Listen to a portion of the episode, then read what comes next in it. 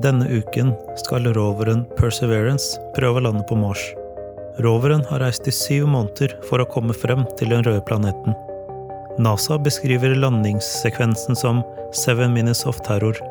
En komplisert sekvens må utføres helt perfekt for at roveren skal kunne lande trygt.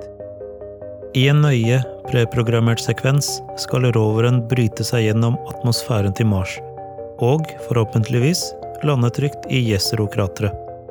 Og det er nettopp atmosfæren til Mars som er viktig å forstå for å kunne lande trygt på planeten.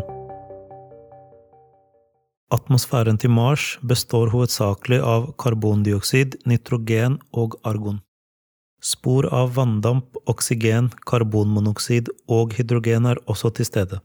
Sammenlignet med jorda er atmosfæren på Mars utrolig tynn. Det gjennomsnittlige atmosfæriske trykket er på kun 610 pascal, noe som er under 1% av det på jorda. Den tynne atmosfæren, sammen med den store avstanden fra sola, fører til at Mars er mye kaldere sammenlignet med jorda. Selv om atmosfæren er tynn, er den allikevel tykk nok til å danne skysystemer og vindsystemer. Det kan til og med snø på Mars, men snøflakene er ikke større enn diameteren på menneskers blodceller. I noen områder kan temperaturen bli lavere enn frysepunktet til karbondioksidet, noe som fører til kondens og isdannelse. Selv om det er mye karbondioksid på Mars, er drivhuseffekten ganske svak, fordi det atmosfæriske trykket er lavt. Sandstormer er ganske vanlig på Mars, og de kan bli ganske omfattende. We've been studying the dust storms of Mars for quite some time. And there's a particular season where some of the dust storms can actually go global, not just regional, but global. Dust storms on Mars can be absolutely enormous. They can be 20 to 30 kilometers high. And in fact, the dust can get charged. And in the case of these really tall dust storms, lightning can strike. På Mars deler man atmosfæren i tre lag. Troposfæren strekker seg fra 0 til 40 km over bakken. Det er i dette laget de fleste værsystemer befinner seg. Mesosfæren strekker seg fra 40 til 100 km over bakken. Dette laget har den laveste temperaturen. Karbondioksidet i laget fungerer som et kjølemiddel. Termosfæren strekker seg fra 100 til 200 km. Dette laget består av mye ultrafiolett stråling. Nothing can be taken for granted when you get to Mars. There's a lot of things we just don't know.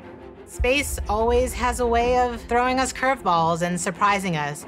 I mean, until we get the data that says we're on the ground safely, I'm going to be worried that we're not going to make it.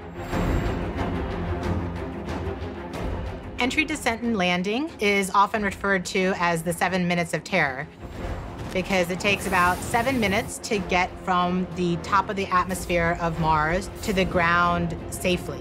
The spacecraft has to do all of this by itself. There are many things that have to go right to get Perseverance onto the ground safely. Når Perseverance-roveren kommer inn i Mars' atmosfære, vil den ha en hastighet på ca. 20 000 km i timen. I løpet av syv minutter skal roveren stå helt stille på bakken. Varmeskjoldet vil redusere hastigheten til ca. 1600 km i timen. Deretter vil en fallskjerm redusere hastigheten ytterligere. Men siden atmosfæren er så tynn, vil fallskjermen kun klare å redusere hastigheten til ca. 320 km i timen. Raketter vil bremse opp ytterligere til et kransystem heiser over en trygt ned på bakken. Forhåpentligvis. Surviving that seven minutes is really just the beginning for Perseverance. Its job, right, being the first leg of sample return to go look for those signs of past life on Mars. All that can't start until we get Perseverance safely to the ground. And then that's when the real mission begins.